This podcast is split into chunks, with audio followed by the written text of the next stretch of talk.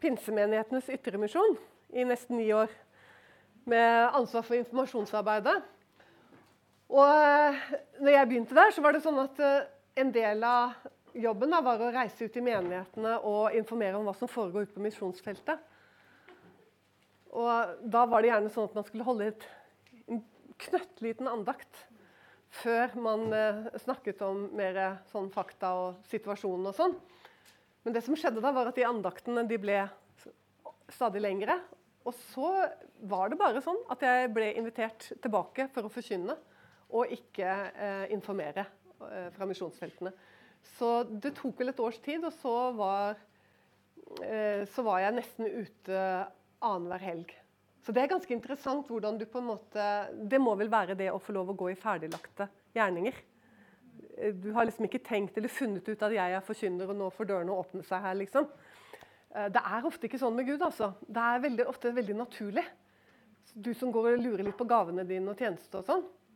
At han åpner dører. Eh, og ting kommer ganske naturlig til sin rett. Han er med deg. Du behøver ikke, ofte ikke streve så veldig mye som har med disse tingene å gjøre. Dere, det var et spørsmål som en på bakerste benk kom med. Og det var liksom viktig fordi hun snakket om de profetiene Jesus kom med. Og, og det, er jo, sant, det er jo veldig, veldig mange. Jeg bruker jo Gamletestamentet mye nå for å lage disse her båndene mellom GT og NT. For eh, det temaet jeg har fått, er 'Forstå Bibelen'. Og da bruker disse linjene, og de beste linjene er jo eh, profetordet.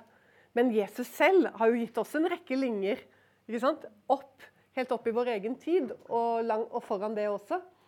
Og det er jo viktig for noen av de Vi har nevnt én av de profetiene der hvor han sa at eh, Jerusalem skal ligge nedtrådt av hedninger inntil, inntil hedningenes tid er til ende. Lukas 21.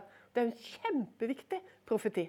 Og I den sammenheng så sier han også at eh, folket hans eh, vil bli Han snakker om de og dere, ofte Jesus. Han dere, Når han sier dere, så snakker han til disiplene sine, de troende. Og så sier han de, da snakker han om folket generelt. Og Da kommer han jo med denne uhyre profetien om at jødene vil eh, dø eh, i stort antall. Og de som ikke blir drept, eh, de vil bli drevet ut av hele landområdet. Og dette skjedde jo bare noen tiår senere. Ehm, han sier at tempelet, han sier at det vil ikke være sten igjen på sten av tempelet. For dem var det helt utenkelig når han sier dette her. Altså Her har kong Herodes bygget på det tempelet i tiår. ikke sant? Og det var en hovedattraksjon for å si det sånn, for turister fra hele den omkringliggende verden å komme inn til Jerusalem for å se dette enorme tempelet. Og Her sier Jesus at det skal ikke være sten på sten igjen av dette. Og det vi har eh, i de skriftene som er eh, fra evangeliene, så står det ikke akkurat når det vil skje, men eh, det er jo ikke lenge etterpå det skjer. Det skjer i år 70. I år 70 skjer dette. Og så sier han jo også at ikke bare tempelet, men også at hele folket enten blir drevet ut eller eh, blir drept. Og dette skjer jo helt nøyaktig, ikke sant? Eh, mellom år 70 og år 135. Og i år 135, når det siste slagene er over med romerne, jøder og romere, så er det ikke jøder igjen i hele området. Ikke Jerusalem, ikke Israel. Ikke en mann. Altså, de er tatt helt De siste jødene på Masada, ikke sant? har du hørt om Masada, dette fjellet eh, eh nede ved Dødehavet? Hvor de, hvor de flyktet opp på Masada for å prøve å komme unna denne profetien. Det ble jo et eh, 900 jøder som gjorde selvmord der oppe. Eh, da de skjønte at eh, det var ingen vei ut. Eh, så det er altså så blodig historie. Det sies at det var ikke trær igjen på Oljeberget når romerne var ferdig med dem. Hvorfor det? Jo, fordi de korsfestet tusener på tusener på tusener av jøder. Og eh, Jesus sa jo at gjør de sånn med den friske gren, hvordan skal det da gå med den tørre? Sånn, når de ropte etter ham og sånn når han bar korset sitt. Så, og de som ikke ble drept, de ble jaget ut. Og jøder fikk ikke lov å komme inn i Jerusalem i det hele tatt. På hvert fall et par hundre år var det ikke mulig å komme inn utenom én dag i året. Og det var tempelets ødeleggelsesdag, og det minnes de den dag i dag. Altså De gråter over tempelets ødeleggelse. De fikk lov å komme på den minnedagen inn. Da lot romerne dem få komme inn for å minnes dette fryktelige som hadde skjedd. Det likte de sikkert, da. Eh, antageligvis, romerne. De, og derfor så ble det klagemuren. Har du hørt det ordet klagemuren? Det er fordi eh, jødene eh, kom, sto og gråt ved restene av murene. Og så ble det til da klagemuren. Og det er jo denne vest, vestveggen som står igjen av muren rundt. Ikke tempelet, men muren rundt tempelet. Ja, Det var litt sånn historisk uh, fyll rundt dette. Og ikke minst dette med Jesus, som er en stor profet. Bare at vi kaller han ikke profet fordi han er Messias, men han er jo samtidig selvfølgelig profet. Først, han er Ordet, ikke sant? Så, uh, så ja, han profeterer mange ganger. Og mye av det har gått i oppfyllelse, men det aller meste har jo ikke gjort det. Eh, spesielt det som har med endetiden å gjøre. Eh, fra Matteus 24 og fra Markus 13 og Lukas 21 og Lukas 17. Der har du masse av profetiene som har begynt å skje, og som vi nå er på vei inn i. Uh, ja, Da fortsetter vi å pløye. Dette er jo den store profetdagen. for å si det sånn. Vi er Emmaus-vandrere i dag. Uh, vi vet at Jesus sa at han sant? Vi vet at han åpnet Skriftene for dem. Jeg skulle gjerne vært der. En Emmaus-vandrer sammen med han. Og så viste han alt som var skrevet om han eh, igjennom Skriften, som er Det gamle testamentet. Men dere Før jeg fortsetter nå, så kanskje jeg ennå ikke får sagt det til dere, dette ordet 'testament'. Det er et ord som egentlig fra latin betyr pakt. Hvis du lurer på hvorfor det heter testament. ikke sant? Det er fra latin, og det, kommer, og det betød pakt og ble brukt som ord for pakt. Men vi som lever i mer moderne tider, sikkert i et par hundre år, jo, forstår jo ikke testament ut ifra det latinske og ut ifra at det er første gamle og nye pakt. Det, jo vært, det er det Bibelen burde hett. Gamle og nye pakt. Hvis den skulle ha et navn. Så måtte det heller vært det. For testament det forbinder vi med noe helt annet. Vi forbinder det med et juridisk, juridisk dokument. Og, da, og, ba, og bare det ikke sant? Jeg tenker det der at vi har eh, ofte indirekte og direkte nesten fått lært at Gamletestamentet er ikke så viktig. Men det ligger jo nesten litt bare i navnet. Sant? For hvis du har et nytt testament, så gjelder jo ikke lenger Det gamle testamentet. Altså Hvis du har skrevet ett testament, men så ombestemmer du deg, og så skriver du et nytt testament, da er det Det nye testamentet som gjelder. Er det ikke det? Ja. Så, så liksom tenker også, jeg, Det er utrolig at vi har klart Hele den jødiske bibel kaller vi for et gammelt testament. Altså det er bare det å kalle det bare for en gammel pakt. Hvis vi bare skulle, det heter det òg, den gamle pakt, så er det, det er en forferdelig forenkling på Den hellige skrift, som Nytestamentet kaller Gammeltestamentet. De kaller det Den hellige skrift, som er innblåst av Gud. ikke sant? Alt dette vi gikk igjennom i den første timen. Og så Det er liksom oppsummert Det gamle testamentet. Det, det er viktig å bare liksom ha dette her i bakhodet. Uh, hva som har skjedd uh, opp gjennom historien. Da går vi videre.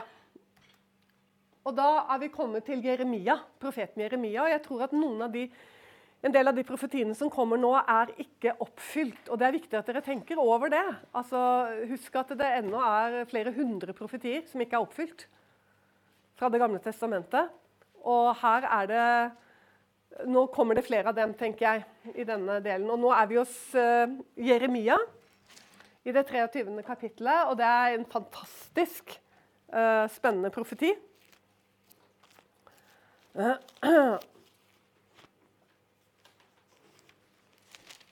Og jeg skal lese fem og seks for dere. Se, dager kommer, sier Herren, da jeg, vil, da jeg vil la stå frem for David en rettferdig spire. Og han skal regjere som konge og gå frem med visdom og gjøre rett og rettferdighet i landet. I hans dager skal Juda bli frelst og Israel bo trygt. Og dette er det navn som han skal kalles med Herren vår rettferdighet. Fin? Jeg tenkte jeg hørte et rungende ja tilbake. Ja!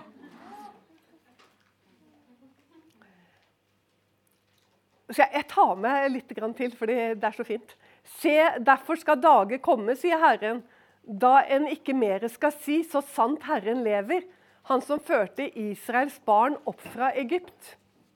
Men så sant Herren lever, som førte Israels hus og ett opp og lot den komme fra et land i nord, og fra alle de land jeg hadde drevet dem bort til, og de skal bo i sitt land.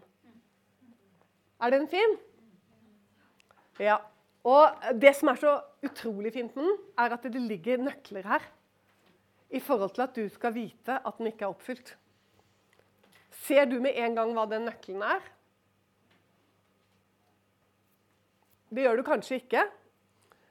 Men eh, hvis du igjen nå hører at det skal komme en tid hvor hans folk, jødene, ikke lenger skal si 'så sant Herren lever', han som førte oss opp fra Egypt.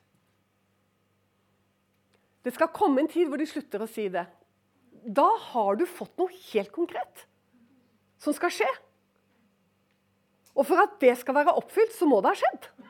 Og har det skjedd? Nei. Jødene sier i dag på alle sine religiøse høytider handler stort sett om Egypt på en eller annen måte. Utgangen fra Egypt. Nesten alle de religiøse høytidene som jødene feirer, handler på en eller annen måte om utgangen fra Egypt. Fordi utgangen fra Egypt for jødene var den kollektive frelseshistorien. Det var den som formet dem også som nasjon. Sånn at til og med de mest religiøse kan si det på sabbaten. Så sant Herren lever, han som førte oss ut av Egypt. For det var liksom beviset. At han etter 400 år i slaveri, så oppfylte han det han sa til Abraham. Han fridde det ut. Så Det er liksom beviset, det er gudsbeviset for jødene. Det er så sant Herren lever. Det vet vi. Han førte oss ut av Egypt. Men det skal de slutte å si. De skal slutte det. Slutte med det. De kommer ikke til å si det mer. Så da vet du at en profeti ikke er oppfylt. Jeremias 23. Fordi da skal de i stedet si noe annet. De skal si 'Han som tok oss ned fra et land i nord', og fra alle landene som han har spredd oss ut til. Eh, da vil jeg si det sånn vi er midt inni det, men det er ikke fullendt. Eh, jeg hørte en gang en forkynner som sa Så bra! Nå er det oppfylt! De har kommet ned fra landet i nord. Og jeg hørte han ikke, Hadde jeg sittet i salen, så hadde jeg kanskje ikke klart å dy meg. Nei, det er det ikke. da hadde ikke de fortsatt å si at så sant Herren lever, han som førte oss ut fra Egypt. Så det, det, Nei, det er umulig. Og en annen sak er Det er jo spennende med landet i nord. Hvor mange har det kommet ned fra sånn cirka? Fra, fra Russland og Ukraina? Overkant av én million. Og det, begynte, det braket jo løs, som jeg sa til dere, i desember var det vel, Gorbatsjov skrev under på at jødene kunne dra. 1989. Men nå må du følge med. Landet i nord. Det er jo ikke så spennende med Russland som et helt annet område. Hvilket område er det som virkelig du kan begynne å lure? Hvor det er masse, masse jøder? Hæ? USA, ja. Det er over fem millioner. Men hvor kommer alle de fem? Hvorfor er det fem millioner jøder i USA? Har du tenkt over det? Hvorfor er det fem millioner jøder i USA? De kommer fra Russland. Fordi at mellom 1880 og 1920 så tok antisemittismen under tsar Nikolai fullstendig av. Det var helt vilt. Eh, jøder ble utryddet eh, landsby etter landsby. Kvinner eh, ble utsatt for voldtekt i en sånn målestokk som heldigvis ingen har bokført eller vet. Eh, eh, landsby ble brent. De ble drevet ut. To millioner jøder forlot Russland i løpet av 40 år. To millioner. Og 90% av dem reiste til USA. Og eh, resten reiste til andre europeiske land. Men først og fremst reiste de til det som da het Palestina. Det, eller ikke Palestina, for det var ikke et land. Palestina har aldri vært et land. Men det var et mandat, et mandatområde som ble kalt for Palestina. Så en del av de reiste dit og på en måte grunnla eh, begynnelsen på det som skulle bli en stat. Men over 90% tror jeg vi kan si, reiste til USA. Og de er i dag blitt til over ja, ca. 5 millioner. Og de aller fleste av dem da har russisk opphav. Var ikke det litt spennende? Sånn at de, det folket i nord de har bare flyttet seg litt lenger vest. på den nordlige breddegrad. Og så har de multiplisert seg til å overgå Egypt fullstendig. Hvor mange kom ut av Egypt? Vi vet at det var 600 000 mann til fots. Det kan bety kvinner òg, men vi vet ikke. Hvis det betød kvinner òg, så var det i overkant av én million som gikk ut av Egypt. For du må ta med barna, og de var mange. Hvis det ikke er med kvinnene, så må du doble antall menn. Altså, da får du Jeg tøyser. Du må doble antallet på 600 000. Da er du oppe i 1,2 millioner med kvinner. Kanskje. Kanskje enda flere. Hvem vet? Og så skal du ha med barna. Da er du oppe i over 2 millioner som gikk ut av Egypt. Det er maks. Men du vet han førte hærer ut, står det. sant? Det var enorme mengder som gikk ut av Egypt. Men USA er godt over dobbelt så mange som er i USA. Så de skal komme ned fra nord, og så skal de komme fra alle landene som han har drevet dem ut til. Og de kommer jo fra de merkeligste plasser. Altså, De kommer fra Kina. Jeg har jobbet i Den internasjonale kristne ambassade hvis du vet hva det er, IKAI, i eh, nesten syv år. Og Erlend også har jobbet der som redaktør.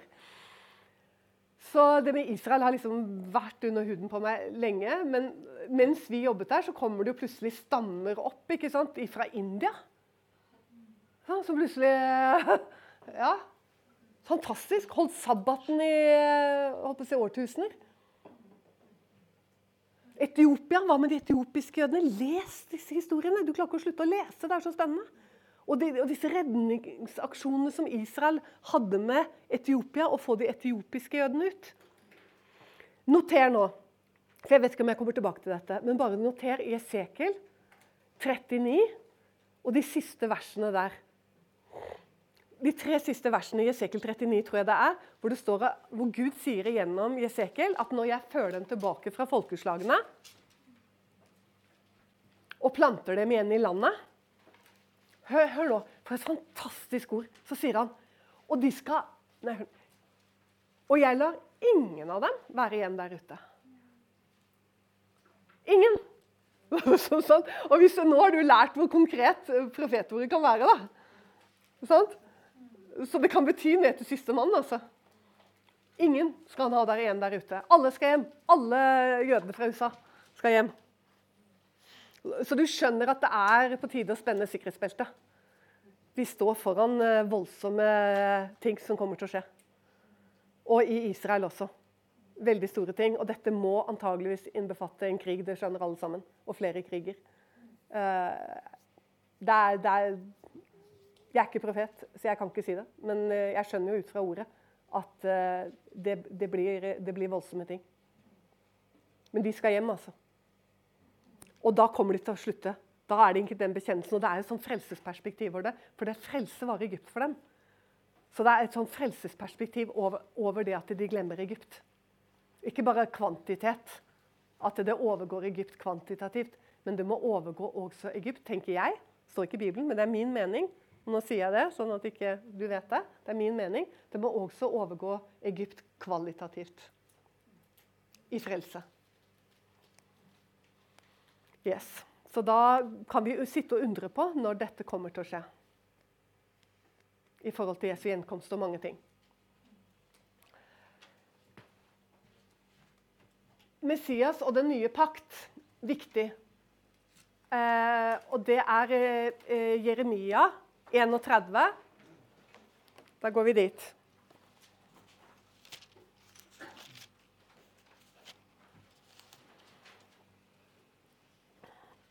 31, det er veldig lett å huske, for det er 31 31.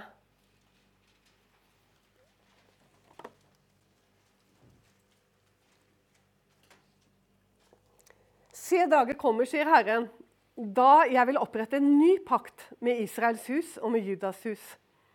Ikke som den pakt jeg opprettet med deres fedre på den dag da jeg tok dem ved hånden for å føre dem ut av Egypts Hør du?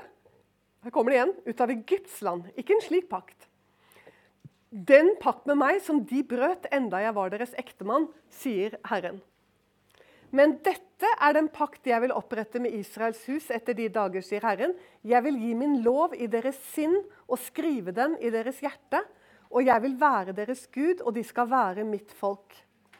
Og de skal ikke mer lære hver sin neste og hver sin bror å si 'Kjenn Herren'. For de skal alle kjenne meg, både små og store, sier Herren. For jeg vil forlate deres misgjerning og ikke mer komme deres synd i hu. Jeg må bare ta med noe som Det er så flott. Så sier Herren, som neste vers, som satte solen til lys om dagen og lover for månen og stjernene, så de lyser om natten. Han som opprører havet så bølgene bruser. Herren, herskarenes Gud, er hans navn. Dersom disse lover, altså disse naturlovene Dersom disse naturlovene ikke lenger står ved makt for mitt åsyn, altså de opphører, sier Herren, da skal også Israels ett opphøre å være et folk for mitt åsyn alle dager. Uh, jeg, jeg, husker jeg, jeg, jeg, gikk opp og tok den en gang hvor jeg var på en misjonskonferanse. Hvor noen sånne her, uh, svenske kirkelige brødre uh, kom opp og, og talte ren erstatningsteologi. Og ikke fortvil nå hvis du ikke vet hva det er, for vi skal snakke om det på torsdag.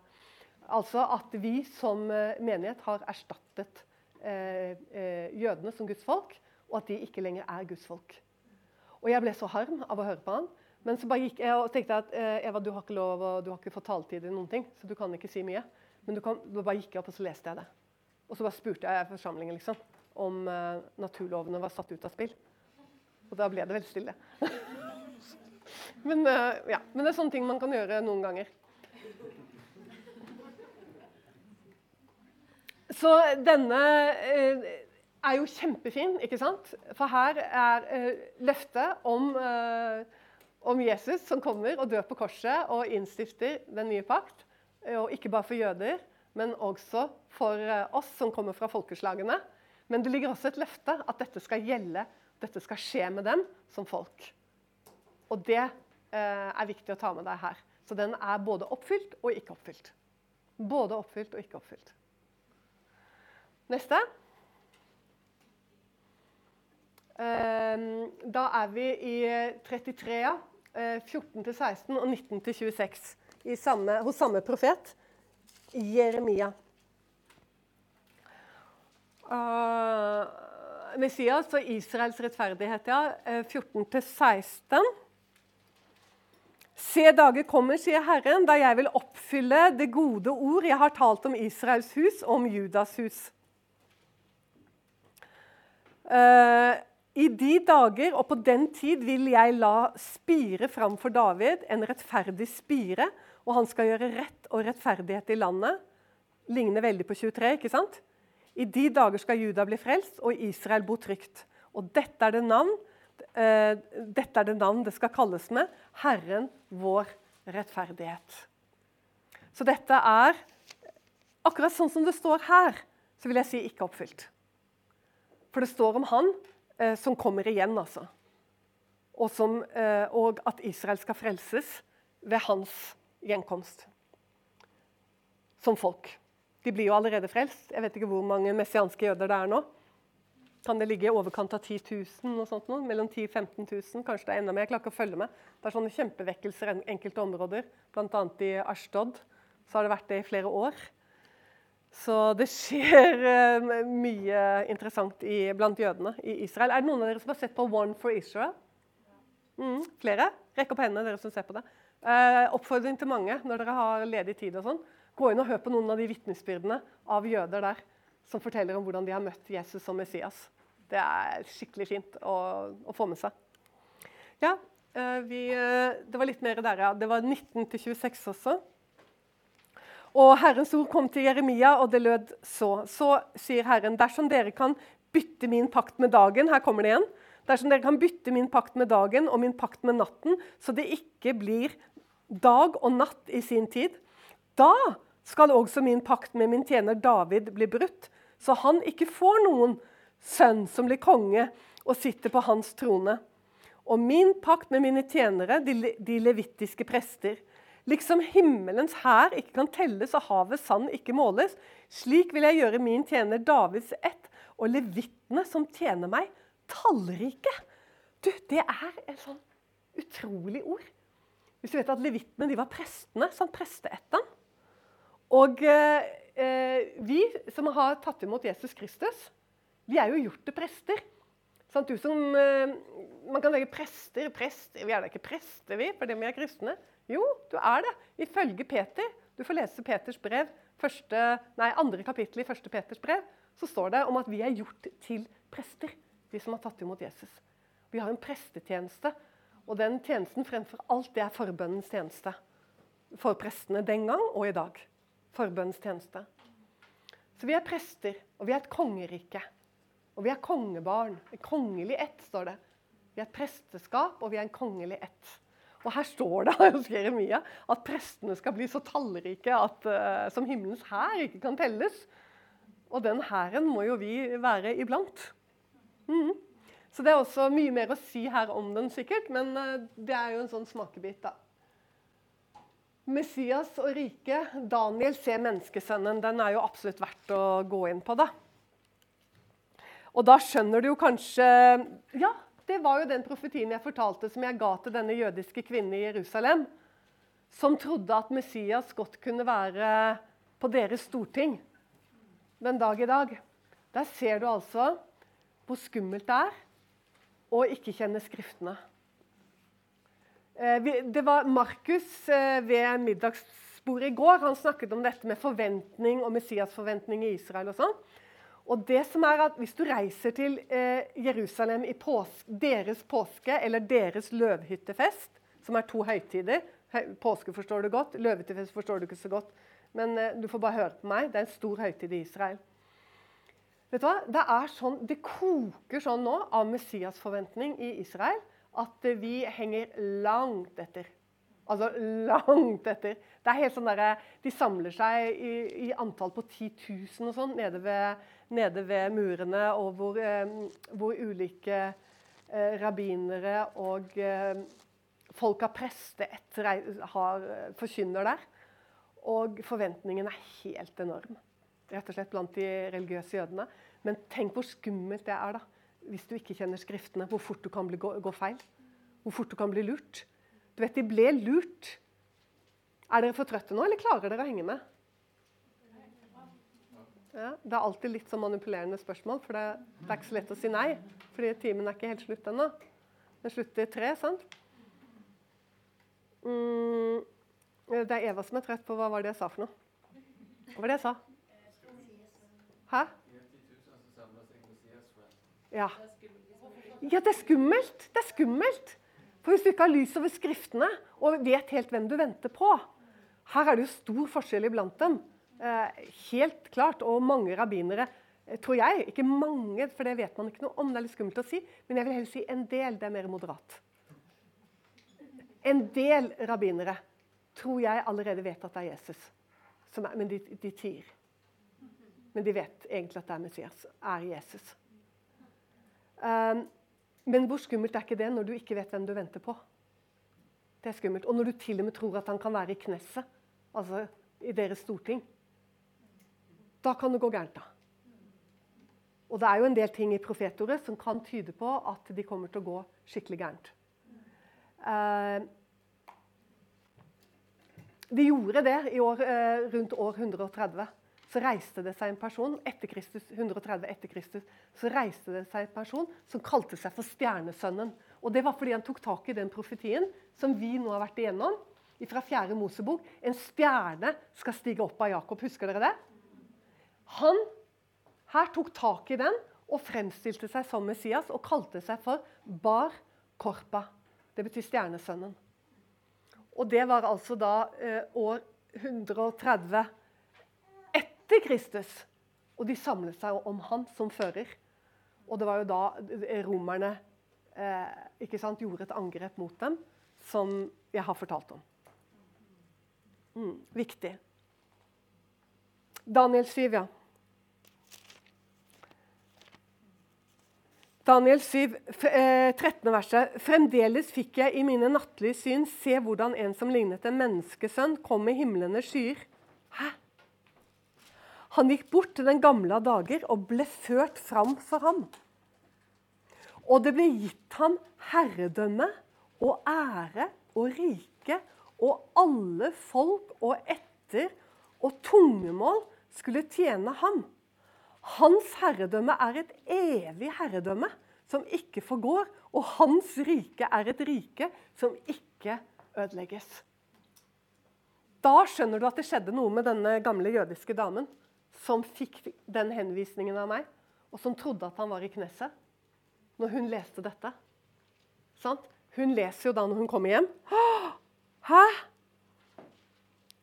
Han kommer med himlenes skyer.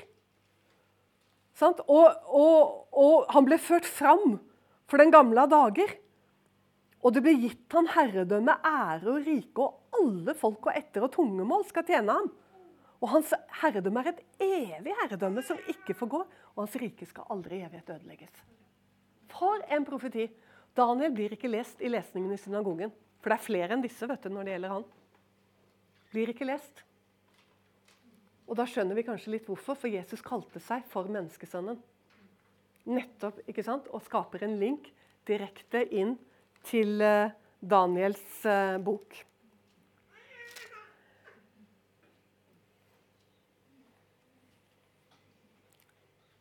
Ti minutter igjen. Jeg skal bare se hvor mange flere som er her. Daniel 9 har vi vært i. Det bør vi ikke gå tilbake til. Zakaria har vi også vært, og der har vi vært. Da tar vi tid til den eh, siste delen, og så blir det det siste i dag. Og det er resten eh, fra det kapittelet. Kapittel 7, Daniel, NB. Det er et utrolig viktig kapittel. Og ni, selvfølgelig, men det har vi vært, det har vi snakket om. Men syv. For her står det Her kommer nemlig Og han Jeg er bare litt usikker på hvor jeg skal gå inn. Ja, jeg tror jeg går inn på 26. For der står det så blir retten satt, og herredømmet skal fratas ham. Men det er ikke, dette er ikke Jesus. Så hvis du nå, før du legger deg i kveld, leser eh, hele kapittel 7, så ser du at her omtales en fyrste som kommer. Antikrist, vet du hva det betyr? Det betyr selvfølgelig imot motstander til Kristus, men det betyr også i stedet for Kristus. Forstår du? Så det er altså en som etterligner. En som etterligner ham og kommer i stedet for. Og det er hans herredømme Daniel omtaler. Det skal bli tatt fra han. Og så kommer de gode nyhetene.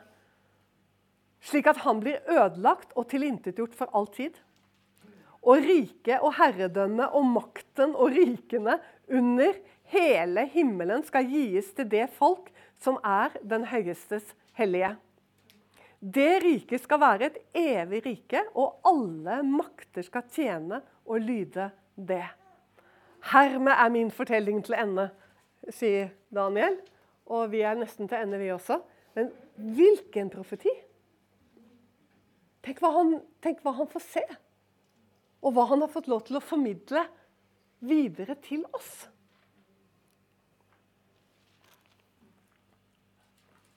Og rike Ja. Eh, sa jeg ni? Nei, det står i syv. Å nei! Unnskyld. Unnskyld. Vi er i Daniel 7. Det var derfor jeg så dere var litt sånn eh, stussende. Dere må se selv. Dere må se selv. 26. Vers 26. Så blir retten satt, og herredømmet skal fratas ham, så han blir ødelagt og tilintetgjort for all tid. Antikrist. 27. Og riket og herredømmet og makten over rikene under Hele himmelen skal gis til det folk som er den høyestes hellige. Dets rike skal være et evig rike, og alle makter skal tjene og lyde. Her kommer det igjen. Alle skal bli han lydige. Vi har vært igjennom flere av disse profetiene. Alle makter, alle riker skal lyde og tjene ham. Er det ikke flott? Hva han fikk se, og hva han fikk formidle videre til etterslekten. Stå med oss økonomisk og i bønn. Du finner oss på utentvil.com.